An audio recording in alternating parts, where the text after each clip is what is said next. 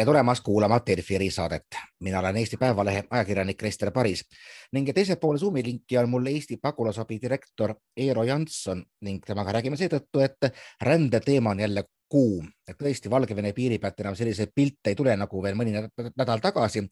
aga ega see tegelikult nende inimesed pole sealt suuremas osas kuskile kadunud ja iga kell võidakse neid uuesti kas suunata piirile või siis igal juhul on nad olukorras, kus nad ilmselgelt ka ise võib-olla enam olla ei tahaks. et noh, kriisi Valgevene piiril on nimetatud päris paljude poliitikute poolt hübriidrünnakuks. Eero, et kuidas sina sellisesse väljendisse suhtud? ja tere ka minu poolt. nojah, ma, mul on tunne, et ühtepidi see on selline ähm, kuidagi uus äh, selline pööre on, on, on lisatud sellisele Äh, kuidagi dehumaniseerivale ja,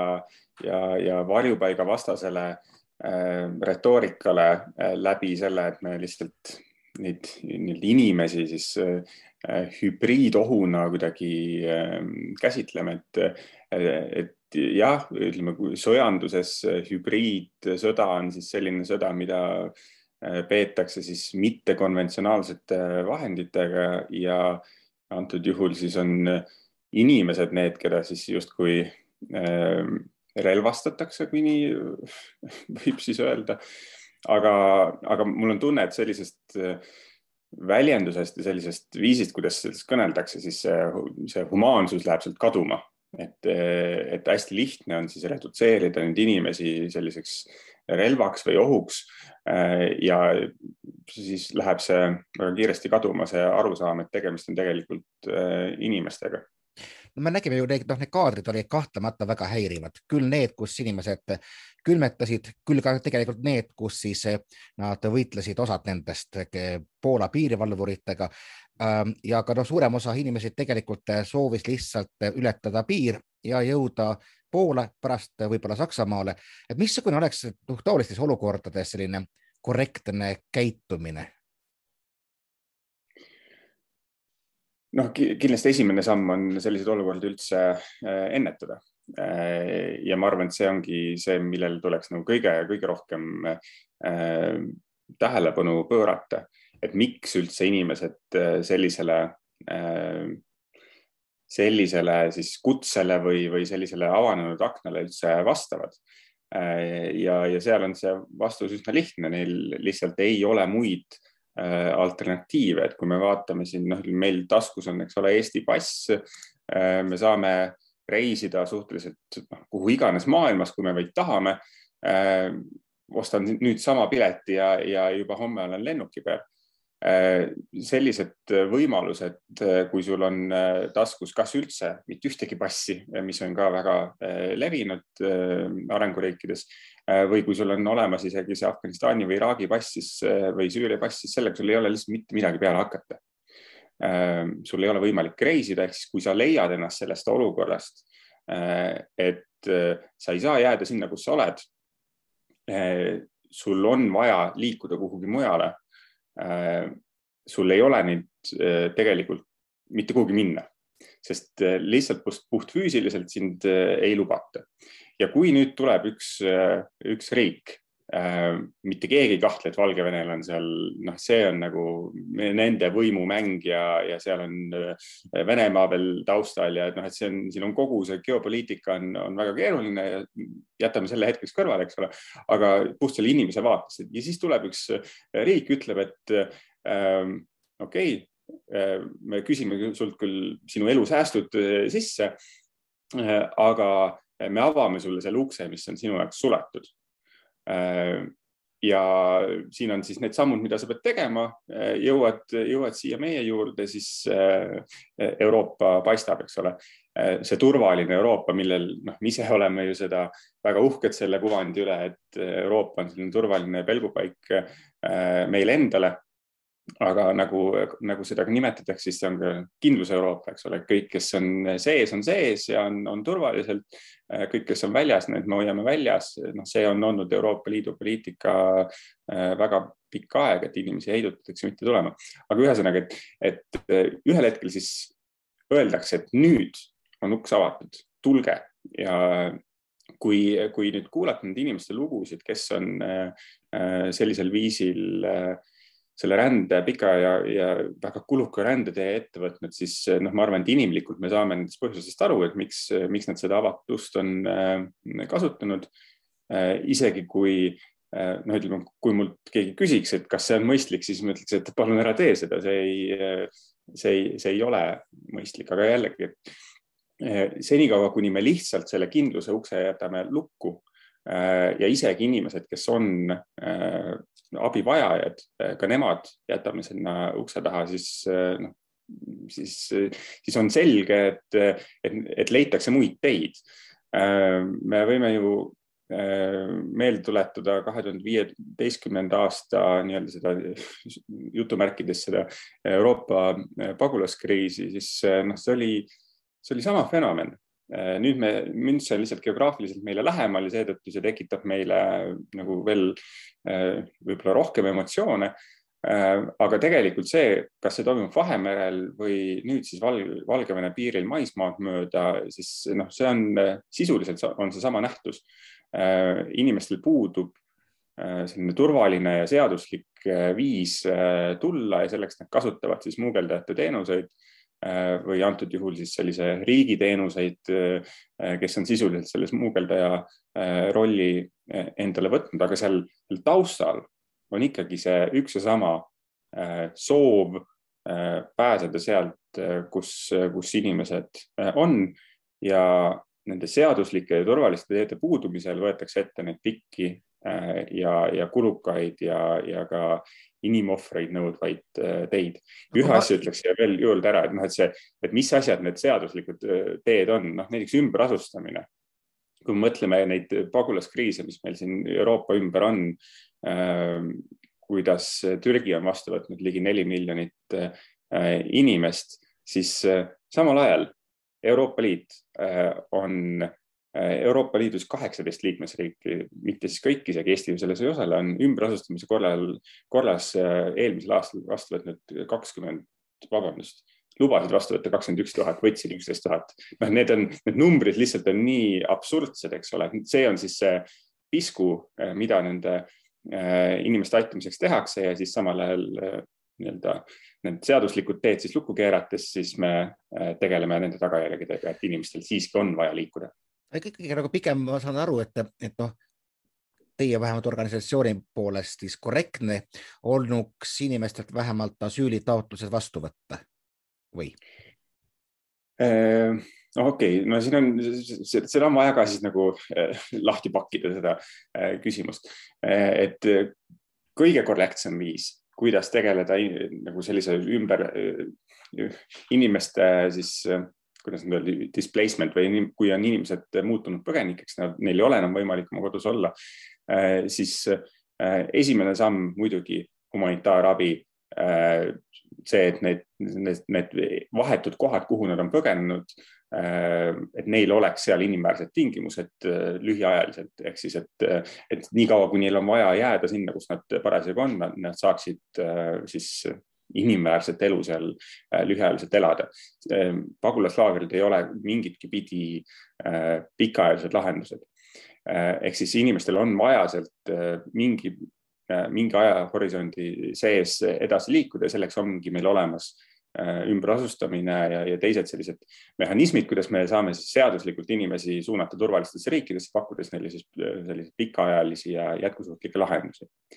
aga kui nüüd inimene on jõudnud Euroopa Liidu äh, piirini siis sellisel juhul, kui ta on varjupaiga vajaja, ta selgelt oma äh, vajadust väljendab, ta on juba füüsiliselt astunud Euroopa Liidu liikmesriigi ähm, äh, territooriumile, siis küsimus ei ole enam selles, et kas me tahame või, või peaksime ja nii edasi. küsimus on selles, et meil on seaduslik kohustus äh, võtta see varjupaigataotlus vastu äh, ja, ja seda menetleda ja teha äh, kindlaks need äh, asjaolud, miks inimene on siia jõudnud. ja see ei ole ainult noh, see on Leedu, Läti, Poola seaduses kirjas, noh, Eesti seaduses muidugi, see on Euroopa Liidu seaduses kirjas, see on äh, Euroopa Inimõiguste konventsioonis kirjas, see on rahvusvahelise õiguse instrumentides kirjas. ehk siis siin, siin ei ole äh,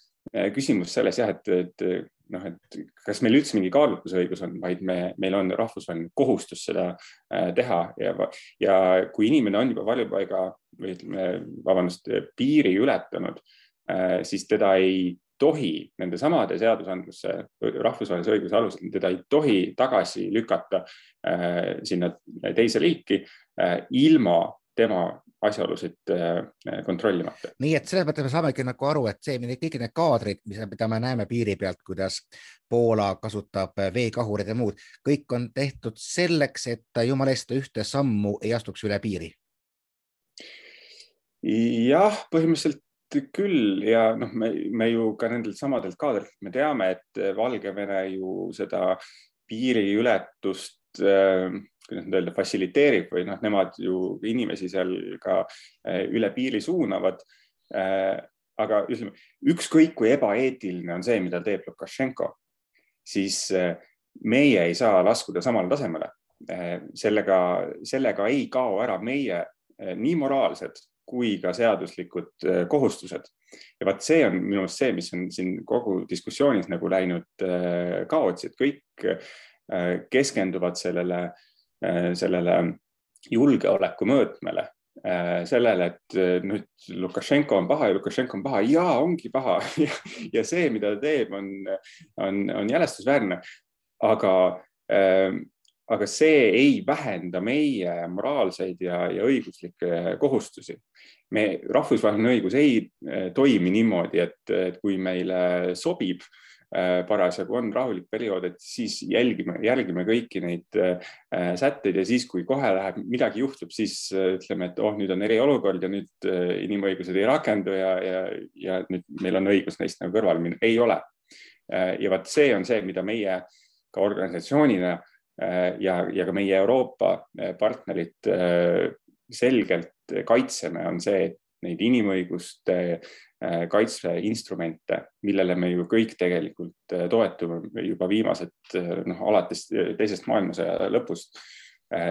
me ei saa võtta neid kergekäeliselt, kui meil, kui me oleme võtnud omale kohustused, siis me peame neid ka jälgima no vaata, pidevalt on selles jutus kostnud välja, et noh, inimõigused ja samuti, et no, inimesed nagu peavad liikuma ja puha. kuidas sa hindavad nende samade näiteks, kes praegu Valgevene piiri peal on, noh, nende perspektiivi üldse asüüli saada, ma lihtsalt võtan nagu taustaks, kui ERR-i korrespondent äh, Astrid Kannel käis käis äh, Suleimanias, kus äh, suurem osa nendest pärit on ja noh, temal jäi nagu mulje, et, et sellist eluohtlikku situatsiooni, mille eest põgeneda seal ei ole, et pigem talle tekkis mulje, et need on sellised noh, majandusmigrandid, kellel nagu asüüliõigust otseselt ei ole, et kuidas, ma ei tea, te olete kindlasti vaadanud ka enda organisatsiooniga nende inimeste tausta, et mis nende selline mm, on, on, on piisavalt äh, motivatsiooni, ütleme Euroopa Liiduga neid vastu võtta, on nad kuidagi ohustatud kodumaal? Selles mõttes, et kuida-, mis alustel antakse inimestele rahvusvahelist kaitset või mis alusel see õigus neil äh, või neil on kohustus siis äh, kaitse anda. esiteks on see viiekümne esimese aasta pagulasseisundi konventsioonis kehtestatud, et kes on pagulane ja see on inimene, kes kardab tagakiusamist siis kas oma poliitiliste vaadete või oma sotsiaalse identiteedi baasilt, olgu selleks siis tema usutunnistus või, või etniline taust või noh, mis iganes see tagakiusamise alus võib olla. Äh, või ka näiteks see, et ta kuulub äh, LGBT gruppi. Ähm, ja on lisaks veel ka äh, siis täiendava kaitse staatus, mida antakse inimestele, kes pagulaseks ei kvalifitseeru, aga kellel on põhjus, põhjendatud kartus oma koduriiki tagasipöördumise eest. kui me vaatame Iraaki et kui paljud inimesed eelmisel aastal, kaks tuhat kakskümmend, on saanud rahvusvahelise kaitse Euroopa Liidus, kes on Iraagi kodanikud, siis on nelikümmend kolm protsenti. Äh, ehk siis noh, peaaegu pooled kõigist iraaklastest, kes eelmisel aastal siis, kellel kaitseotsus tehti, võib-olla nad taotlesid juba eel, eelnevatel aastatel, nelikümmend kolm protsenti, peaaegu pooled neist vastasid nendele tingimustele Iraak ei ole äh, rahulik piirkond äh, jätkuvalt äh, ja see, arvestades, et neid otsuseid teevad siis pädevad ametkonnad Euroopa Liidu liikmesriikidest, need kõik need inimese ütlused on kaalutletud. Ähm, ja, ja, ja nende nii-öelda objektiivsete asjaoludega võrreldud. Otsus ei sünni kellelgi, see on pool aastat, võtab tavaliselt keskmiselt aega, siis noh, öelda praegu, et, et justkui Iraagis on kõik rahulik, ma käisin tänaval ja vaatasin, et näe, kuskil pomm ei kuku, et järelikult on rahulik ja inimesed kaitset ei vaja. noh, see ei ole nagu, see ei ole see viis, kuidas tegelikult kaitseotsuseid äh, tehakse. ja lisaks jällegi, et, äh, et paljud nendest tagakiusamise asjaoludest ei ole meile nähtavad, et see ei ole see, et, äh, et nüüd, nüüd on kuskil mingisugune piirkond, mida pommitatakse, järelikult, eks ole, inimesed lahkuvad ja, ja siis tekib alus kaitset saada, et need on ikkagi äh, sageli ikka siis sellised süsteemse tagakiusamise äh, juhtumid, mida tulebki kaaluda üsnagi äh, sügavalt kõiki asjaolusid vaadates, et need, need otsused ei sünni lihtsalt ja need on sageli nähtamatud, neid ei ole lihtsalt nagu näkku vaadates võimalik öelda. igal juhul, kui me vaatame praegu, siis ka sellesama kriisi tõttu on noh, nii-öelda avalik diskursus muutunud üsna selliseks tõrjuvaks ja vaenulikuks, võib-olla ka rohkem, kui ta isegi enne oli. no näiteks meie ajaloolane ja Riigikogu EKRE liige Jaak Valge kirjutas meil Päevalehes artikli, et noh, tegelikult on kogu selles kriisis süüdi Euroopa Liidu lõtv sisserännupoliitika. no sa ka praeguses intervjuus mainisid hoopiski kindlus Euroopat, et kuidas, kuidas neid siis vastukäivaid nägemusi tõlgendada, et Jaak Valge ütleb, et liiga kergesti pääseb sisse hoopiski. ja noh ja eh, statistikaga annab manipuleerida igatpidi, eh, et kui siin eh, ma, siis ma üldiselt ei loe Jaak Valget, aga siis enne seda tänast, seda meie vestlust ma seda siis vaatasin, kuna seda sellele varasemalt viitasid. ja noh, selles mõttes arvudega annab mängida igat, igatepidi, kui seal kasvõi näiteks oli, äh, oli välja toodud, et, äh, et äh, Euroopa Liidus on siis kolmkümmend seitse miljonit inimest, kes on väljaspool Euroopa Liitu sündinud, siis noh, kui me päriselt vaatame, et et kes need inimesed on, siis esimene grupp nendest on austraallased, nad on sündinud Austraalias, eks ole, kas, kas see on nüüd see grupp, kelle suhtes siis äh, meil võiks olla äh, mingid eriarvamused, et äh, või, või siin ikkagi natukene sekkub mingisugust nagu noh, ksenofoobia ikkist alget kuskilt sisse, eks ole. teised grupid sealt on Šveits, mis on ümbritsetud ju Euroopa Liidu liikmesriikidega, mis on väga loogiline, et palju šveitslasi elab ka Euroopa Liidu naabrusriikides, seal järjest tulevad Kanada ja Norra ja Ameerika Ühendriigid ja nüüd siis ka Suurbritannia ja nii edasi. kui me vaatame, et kui palju äh, selle ametliku statistika järgi siis Euroopa Liidus, äh, kes on praegu siis elavad välisriikide kodanikud, et kui palju neist on tegelikult äh, tulnud varjupaigarändega Euroopas, Euroopa Liitu, see on neli protsenti. see on pisku Äh, see ei ole suur arv, noh, siin on muidugi taustal ka see fakt, et, et seesama, mis ma ütlesin, eelmisel aastal üksteist tuhat inimest äh, ümberasustamisega saabusid, eks ole. Äh, noh, et, et need arvud ongi lihtsalt väga väiksed, keda nii-öelda ametlikult vastu võetakse ja, ja kuna neid nii-öelda piire valvatakse nii, nagu neid valvatakse, sageli siis mitte väga kaitsesõbralikult või rahvusvahelise kaitse sõbralikult ja, ja neid väikseid Äh, vastuvõtukriise on siin ju Euroopa Liidu piir täis, praegu keskendun Valgevenele, aga pikaajalised kriisid, mis on äh, Vahemerel, Kreeka, Bulgaaria, Itaalia, Malta, Hispaania ja nii edasi ja nii edasi. ühesõnaga jah, ähm, neid äh, arve nagu päriselt hakata siis äh, vaatama, siis ma, ma ei julgeks, ma ei, üldse ei ütleks, et, et Euroopa Liit on kuidagipidi olnud äh, ähm, nagu liiga Äh, avatud, äh, kui me vaatame, võrdleme seda teist Euroopa Liitu siis laiemalt äh, teiste kõrge sissetulekuga riikidega või piirkondadega maailmas, siis Euroopa Liidus nii-öelda välis, väljaspool Euroopa Liitu sündinud inimeste osakaal on pigem väiksem kui teistel siis sama, samasuguse sissetulekutasemega piirkondadel ja riikidel. No pärast kahe tuhande viieteistkümnendat aastat hakkasid päris paljud riigid enda piiridele püstitama küll okastraattõkkeid, küll lihtsalt niimoodi oluliselt tugevdama kontrolli. Ja ma mäletan, kuidas paljud, kes ka näiteks toetavad Ungarit ja Viktor Orbani, tema juhti,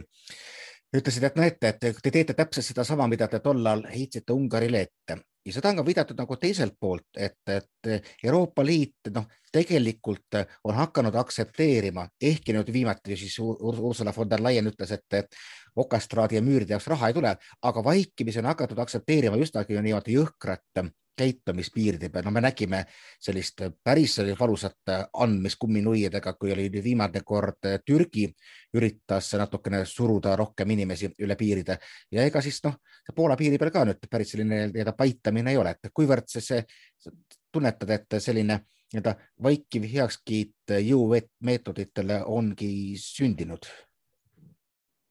ma arvan, et äh, mul tunnetus on, on see, et äh, Euroopa Liidu tasandil selline mingisugune nihe kindlasti on tekkinud ja mitte ainult nüüd selle Valgevene taustal, et siin on, ma ütlesin, neid, neid piiriolukordi on äh, üksjagu, isegi nüüd ju äh, Prantsusmaa ja Suurbritannia vahel äh, väinal, kus siin just üle kahekümne inimese hukkus samuti siis seda väina ületades La Manche'i. et ja neid, neid kriise või selliseid noh, piiriolukordi on, on siin üksjagu see selline ütleme, tegelikult Euroopa Liidu äh, piirile tõkete püstitamine ka ei ole midagi nüüd selle aasta äh, jooksul sündinud, et siin on äh, Türgi ja Kreeka ja Bulgaaria vahel on piir juba olnud äh, pikka aega, siin äh, kindlasti on paljud näinud neid äh, Hispaania enklaavide, Ceuta ja, ja Melilla piiritarasid. Galeesse Prantsusmaale on müüre ehitatud, et siin Ungari Austria piiril on ju samuti välja ehitatud, et siin neid, neid erinevaid piire on äh, üksjagu, äh, just neid nii-öelda tarastatud piire. Ja, ja, ja veelgi seda laiendades, siis see ei ole äh, tegelikult ainult Euroopa Liidu teema, kui me vaatame seda, seda piiritarade kaarti globaalselt, siis neid on püstitatud ja püstitatamas palju ma just eelmise nädala veetsin Pakistanis, äh, seal Afga, afgaanide ähm, siis olukorda kaardistades äh, ja näiteks kogu Pakistani ja Afganistani piir, mis on sadu ja sadu ja sadu, tuhandeid kilomeetreid pikk, on tarastatud. Kogu Afgi, Afganistan on sisuliselt nagu üks selline vangla. ta on ka Iraani poolt on tarastatud, nii et neid noh, neid füüsi, füüsilisi barjääre äh, püstitatakse igal pool äh,. ja noh, jällegi ma ise nagu tunnetan, et, et ma väga ei taha elada selles maailmas, kus on, mis on nagu täidetud ainult äh, piiride ja, ja selliste müüridega. no just, et Afganistani langemine Talibani kätte, see tekitab äh, päris paljudel siin Euroopas reaalset hirmu ja just seetõttu, et nüüd tuleb kindlasti uus suur põgenike laine ja noh, et afgaanid on vaata et võib-olla veel kõige vähem kohanenud Euroopa Liidus või Euroopa või nagu läänelikus kultuuriruumis elamisega. see minu väide, see on lihtsalt see, mida ma olen, olen kuulnud. et kui sa nüüd sa neid Afgaanis ja Pakistanis nägid, et kes nad on, mis nad on ja kas nad jõuavad siia ikka, ikka needsamad hirmud, eks ole, et kas nad mhm. jõuavad siia. Eh, noh, selles mõttes, eh, kui me, me jõuan su küsimuse vastuseni ka, aga et kui me vaatame üldse laiemalt, siis põgenike eh, globaalset statistikat, siis suurem osa neist, valdav osa neist ligi, ligi üheksakümmend protsenti on oma naaberriikides oma kodude siis naaberriikides, inimesed, äh, noh, see on üks selline suur müüt, et kõik nüüd, kõik tahavad tulla Euroopasse või, või jõuda Ameerikasse. Ja isegi kui, kui paljud seda nagu lõpuks nagu soovivad, nad soovivad oma, oma lastele paremat tulevikku ja nad ei näe seda oma koduriigis või seal äh, arenguriigis, kuhu nad on esmajoones alguses siis põgenenud, siis noh, see ei realiseeru valdav osa, valdaval osa neist, sest neil lihtsalt ei ole võimalusi Äh, seda teekonda ette võtta.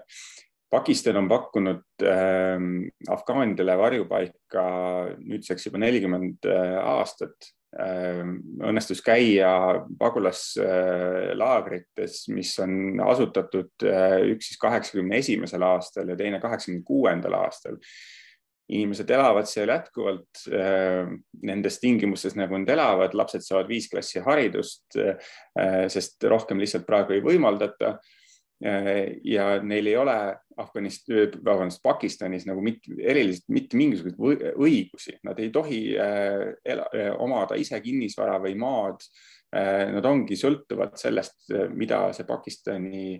kogukond neile pakub, riik neile, neile pakub, neil on sisuliselt äh, ei ole õigust töötada ametlikult äh,. aga muidugi kõik inimesed nagu leiavad need väljundid ja töötavad nii-öelda selliste päevatöölistena ja äh,. ja, ja kus, kus vähegi võimalik on, inimesed saavad hakkama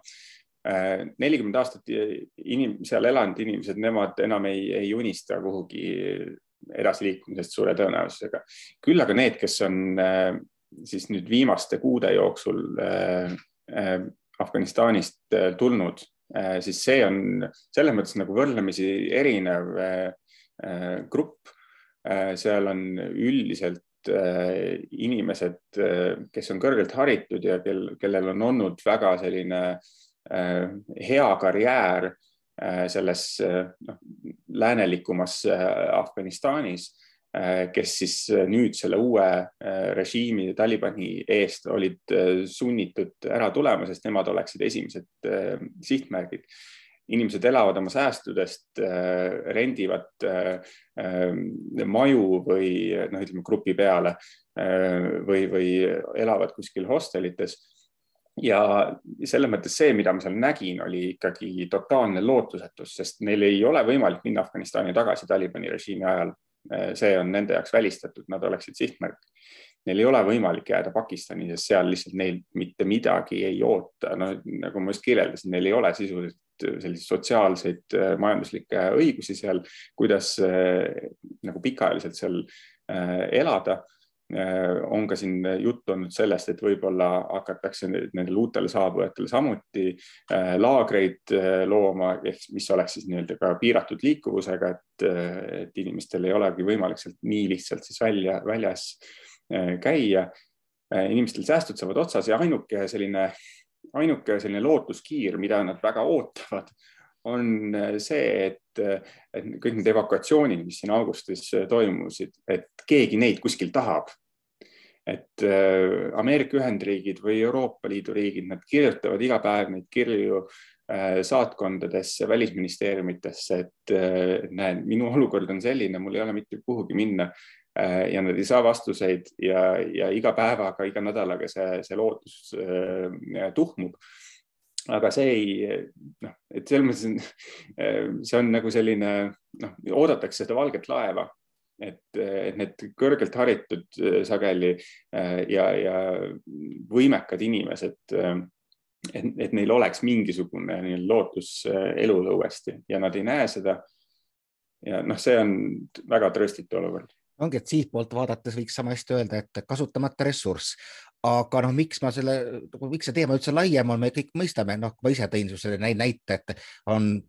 üsna levinud uskumus, et ega nad tegelikult ei suuda läänelikus kultuuriruumis hakkama saada, ehk siis nagu ikkagi tunnetuslikult selline nagu islami ja lääne kultuuri kokkupõrge, mis päris paljudes kohtades vastu vaatab. aga meil enda näiteks Päevalehe veebis ilmus just praegu äh, intervjuu skandaalse Taani kirjaniku Lars Hedegaardiga, kes noh, pealkiri muidugi on selline, et äh, moslemite jaoks on naised lihtsalt sünnitusmasinad, aga ta noh, kirjeldab äh, ennekõike, miks tema meelest ei saa moslemeid üldse põhimõtteliselt lääne kultuuri vastu võtta. no me võime väielda, täiesti väidelda, et, et ta, tema fakti täpsuse üle, aga olgem ausad, et noh, päris paljud inimesed ju tegelikult sisemast tunnetavad seda õigusega või mitte, aga see, see nii on, et mis on siis, miks on just moslemitega sinu meelest suusad Euroopas praegu nii, nii risti läinud? kui sa seda pealkirja praegu ette lugesid, siis mul esimene äh, reaktsioon oli see, et ma olen vist samu pealkirju näinud siin Eestis äh, selle kohta, et on Eestis mõned erakonnad, kes näevad naisi peamiselt sünnitusmasinatega, masinatena. Äh, et Äh, võib-olla me ei olegi nii erinevad, eks. See oli nüüd äh, terakas, noh jah, väike nali, aga selles mõttes ma arvan, et oleks nagu, oleks juba ammu aeg üle saada sellisest äh, Samuel Huntingtoni kuidagi tsivilisatsioonide kokkupõrke mingisugusest müüdist, noh, see, see ei ole, see ei ole reaalne. Äh, et muidugi inimestele meeldib äh, lahterdada, see on meil, ma arvan, ajuga juba nagu kaasasündinud, meile meeldib asju lihtsustada lahterdada ja, ja kategooriatesse panna. et mehed on Marsilt ja naised on Veenuselt ja, ja kristlased on niisugused ja, ja moslemid on niisugused. see ei aita meid mitte mingilgi määral äh, selliste vastanduste tegemine, sest seal taustal on ikka lõpuks on inimesed Äh, oma äh, väärtusruumidega, nad on mõjutatud olnud oma äh, sellest kultuurikeskkonnast, kus nad on üles kasvanud. see, noh, see, et me taandame mingisugused suured küsimused sellele ühele identiteedi aspektile, milleks on siis usk. noh, see on lihtsalt, see on nii banaalne, see on nii lihtsustav sellest, see ei ütle meile mitte midagi, no ma olen nii pikki aastaid sotsiaalteadusi Ähm, õppinud, et mul lihtsalt on nagu valus kuulata, kui keegi hakkab jälle pihta nagu sellest, et noh, et ah, kas ikka nagu demokraatia sobib äh, islamiriikidesse või kuidas nüüd äh, islam mõjutab äh,, ma ei tea, et kas inimene üldse saab Euroopa Liidus hakkama. Äh, ei äh,, taandub äh, inimesele. kas, mis, mis hariduse ta on saanud kas talle on antud äh, seda, äh, seda haridust, kui, kui palju ta äh, on olnud võimeline koolis käima. see on kõik noh, see, et kuidas me inimeste potentsiaali juba sünnist saati ära kasutame, mis, mis väärtusi me sellega loome, et kui noh, kasvõi siin noh, just Pakistanist tulnuna, eks ole, et siis äh, kohtusime sealsete äh, naisõiguslastega, kes on juba pikki aastaid ja aastakümneid tegelenud sellega, et äh,, et, et murda mingisuguseid selliseid kultuurilisi sisse äh, sumbunud selliseid äh, noh, selliseid traditsioone, mida on, mida ongi raske murda, aga sealsamas selle süsteemi sees, selle riigi sees tegelevad inimesed sellega igapäevaselt, et, eh, et, et asju muuta. Nad on sündinud sinnasamasse kohta, nad on tulnud sellesama taustaga, aga nad on, nad on teistsugused, eks ole, et haridus loob meile selle potentsiaali siis nendest, nendest või olemasolevatest võimustruktuuridest ka mööda minna ja neid purustada ja, ja, ja neist edasi liikuda. aga siis on ju midagi täiesti valesti, sest et noh, nii palju, kui me näeme, siis noh, põhimõtteliselt ka uuringud näitavad ja et, et suurima probleemid moodustavad noh, nende suhetes vara, varem siin olnudega ikkagi nii-öelda teise põlvkonna immigrandid ehk siis nagu lääneriigid ise ei paku järelikult vastavat haridust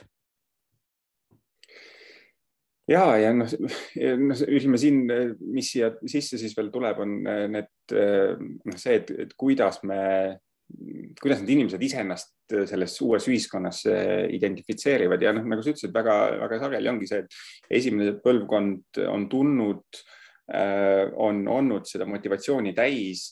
nii-öelda endale selle elu selles uues, uues riigis, uues ühiskonnas loonud. Aga need, eh, see teine põlvkond, kes on sündinud sellesse olukorda, kuhu nad on siis paisatud, ei pruugi olla nõus sellega, eh, sellega, et kuhu nad on eh, sattunud, nad tahavad iseenda tee, tee leida ja tee luua ja kui nad on leiavad ennast siis ühiskonnast, kus neile vaadatakse viltu, kus nende võimalused on piiratud ainuüksi sellepärast, et kuidas nemad välja näevad või mis tema nimi on või, või kuidas, mis aktsendiga nad võib-olla keelt räägivad. Noh, siis neid vastureaktsioone on on igasuguseid jah, aga nüüd jällegi, et kui me räägime näiteks äh, radikaliseerumisest äh, ühes või teises riigis, siis noh, me ju räägime äh, samamoodi, vabandust, ka siis noh, paremäärmuslusest ja, ja sellest, et ka needsamad meie enda keskkonnast üles kasvanud noored ei leia kohta Äh, selles ühiskonnas ja, ja arvavad, et tuleb äh, sisse viia mingisuguseid radikaalseid äärmuslikke äh, muudatusi. noh, et, et selles mõttes jällegi, et vaatame, vaatame mõlemat poolt sellest mündist näete siis kuidagi üldse väljapääsu, no me kõik, kõik saime ju aru, et isegi ka näiteks riigijuhid, kes noh, olemuselt näiteks sinu juttu mõistavad, no kardavad populiste, kardavad täiesti õigusega, seda on ju ka valimistulemused näidanud, et kas oleks mingi kompromiss, ma ei tea, ma pakun välja, et kui nagu ka Jaak Valge tõi esile, et noh, liiga paljud, kes saavad negatiivse asüüliotsuse, no tegelikult jäävad ju siia, et kui see, see protsess oleks tõhus, et see aitaks oluliselt vähendada, noh, nimetame siis põliselanikkonna äh, hirme. Äh, ma olen täiesti nõus, et, äh, et tagasisaatmine äh, negatiivse varjupaigaotsuse puhul äh, on oluline, et see on tegelikult, äh, see on varjupaigasüsteemi legitiimsuse äh, küsimus, et kui meil, kui me ei suuda tegelikult inimesi, kes, kes ei vaja varjupaika, kuid on sellel, sellel, selle tõttu siis sisenenud riiki, et, et kui me ei suuda neid inimesi tagasi saata sinna, kus, kus nende koduriik on, siis sellisel juhul kogu varjupaigasüsteem on natukene noh, oma legitiimsust kaotamas, eks ole, et, et siis inimesed äh, võivad seda süsteemi ära kasutada ainult selleks, et, äh, et siseneda ja see iseenesest on probleem. Ähm, noh, see, see on veel omaette tohutu pundar, eks ole, asju, et sest, sest inimesi on võimalik tagasi saata siis, kui, kui ähm, teine, see riik, kuhu nad peaksid tagasi minema, on nõus neid vastu võtma ja neil on vajalikud dokumendid ja nii edasi ja nii edasi, et see, äh, see on noh, see on, samasugune äh, selline äh, ametkondlik väljakutse nagu, nagu on ja diplomaatiline väljakutse, nagu on ka ütleme, heade varjupaigaotsuste tegemine, aga kui me vaatame kogu Euroopa Liidu varjupaigastatistikat tervikuna, siis tegelikult kui see äh, keskmine tunnustamisprotsent äh, on eelmisel aastal nelikümmend üks protsenti ehk siis kõiki, kõik varjupaigataotlused, kes, mis esitatud, kõik need otsused, mis on eelmisel aastal tehtud, nelikümmend üks protsenti neist olid positiivsed, ehk siis nad päriselt tuvastatud asjaolud, et inimesed vajavad kaitset. siis ma arvan, et see on võrdlemisi võrdlemisi kõrge protsent, et see viiskümmend üheksa protsenti on siis need, kes, kes on ähm, siis saanud negatiivse otsuse, mis ei tähenda seda, et nad tingimata, neil puuduks äh, seaduslik alus Euroopa Liidus olemiseks või elamiseks äh,, sest äh, osa nendest inimestest võivad olla täiesti juba Euroopa Liidus elamisloaga muudel alustel, näiteks õppimise, töötamise, perekondlikel põhjustel, aga lihtsalt äh, on siis oma koduriigis näiteks muutunud asjaolude taustal esitanud ka varjupaigataotluse, et, et saada siis äh, kaitse või see kaitse tagasisaatmise ees, et tema see elamisluba ei, ei, ei lõpeks näiteks. nii et, et selles mõttes neid need, need äh, numbrid on alati nüansseeritumad, et, et kõik need viiskümmend üheksa protsenti, kes ei saanud eelmisel aastal kaitset, ei tähenda seda, et need, kõik nemad kuuluvad äh, väljasaatmisele või tagasisaatmisele, et seal, seal see grupp on ka veel kirju see on väga suur, suur ja lai teema, kuni, kuni selleni välja, et noh, kõik, kõik see äh, ränne, et kuivõrd võiks Euroopa Liit sellest kõigest kasu lõigata ja puha. ma tegelikult küsikski võib-olla noh, üldse lõpu, lõpetuseks, et kui me vaatame praegu noh, neid, kes kes siia jõuavad, kes saavad ka positiivse otsuse, kes tõesti põgenevad äh, rõhumise, tagakiusamise, mille iganes eest, mis annab neile õiguse kaitset saada, siis äh, noh, kuivõrd jõuavad siia ikkagi need kõige haavatavamad, tegelikult võib-olla peaks hoopis, kui tahta lähtuda humanitaarkaalutlustest, hoopis sihitumalt kuskilt, kuskilt mujalt inimesi päästma see on väga hea küsimus ja, ja pahatihti need kõige haavatavamad just nimelt ei jõua. Nemad on kas oma koduriigis jätkuvalt, kas on näiteks sisepõgenikuna või on nendes, nendes samades laagrites, kus, kust noh, ei ole nagu edasi ega tagasi liikumist Äh, miks nad ei jõua, on see, et neil tõenäoliselt ei ole siis äh, ei, ei oskusi, teadmisi ega raha selleks, et, äh, et seda pikemat teekonda ette võtta. ütleme, mis on kõige parem ja õigem lahendus nende kõige haavatavamate inimeste aitamiseks ongi ümberasustamine, et see, see on ju programm, mis on olnud aastakümneid paigas. Eesti on selles siis mõned aastad osalenud natukene aega, äh, nüüd jälle ei osale. Eesti peaks selles jälle osalema, aga, aga ütleme, nagu ma enne ütlesin, need, need arvud globaalselt, äh, noh, üksteist tuhat inimest eelmisel aastal saabus ümberasustamise raames Euroopa Liidu, noh, äh, Euroopa Liit, mis on rohkem kui poole miljardi inimesega territoorium, noh, ma arvan, et me suudame paremat kui see üksteist tuhat ühe aasta jooksul, et aga jällegi see nõuab poliitilist tahet, see nõuab just nimelt vastuseismist või vastu, ütleme see printsipiaalsust nende parem äärmuslike jõudude vastu, kes seda võib-olla suuna, suunaksid seda, seda tähelepanu muudele asjadele, et noh, ma arvan, et, et see on noh, see on, see on selline väga selge ja, ja mõnes mõttes ka nagu lihtne äh, asi, mida meie nüüd sama saaksime teha, on äh, nende haavatavate inimeste aitamiseks on, on ümberasustamine ja teiseks muidugi humanitaarabi selleks, et, et inimestel alati ei tekikski seda vajadust äh, pikemaid teekondi ette võtta, vaid neil oleks elamisväärsed tingimused ka oma kodule lähemal. Ja noh, Eesti pagulasabi on on, on nii ühe, ühe, ühe kui teise poolega tegelev organisatsioon, et meie pakume humanitaarabi äh, kriiside lähedal, noh näiteks Süüria kriisi puhul äh, Jordaanias ja Liibanonis äh, ja, ja teistpidi siis äh,, kui inimesed on jõudnud äh, Eestisse muuhulgas ka näiteks ümberasustamise raames, et siis, et selleks, et nemad siin kiiresti jalad alla saaksid, et siis meie neid samuti toetame, sest lõpuks see on ju meie kõigi huvides, et inimesed siin kiiresti jalad alla saaksid olgu see siis näpukene positiivsust sellise meie saate lõpuks. aitäh pagulasabi juhile Eero Jansonile, mina olen Eesti Päevalehe ajakirjanik Krister Paris ja meie siis jällegi oleme taas kuulamisel järgmistes erisaadetes.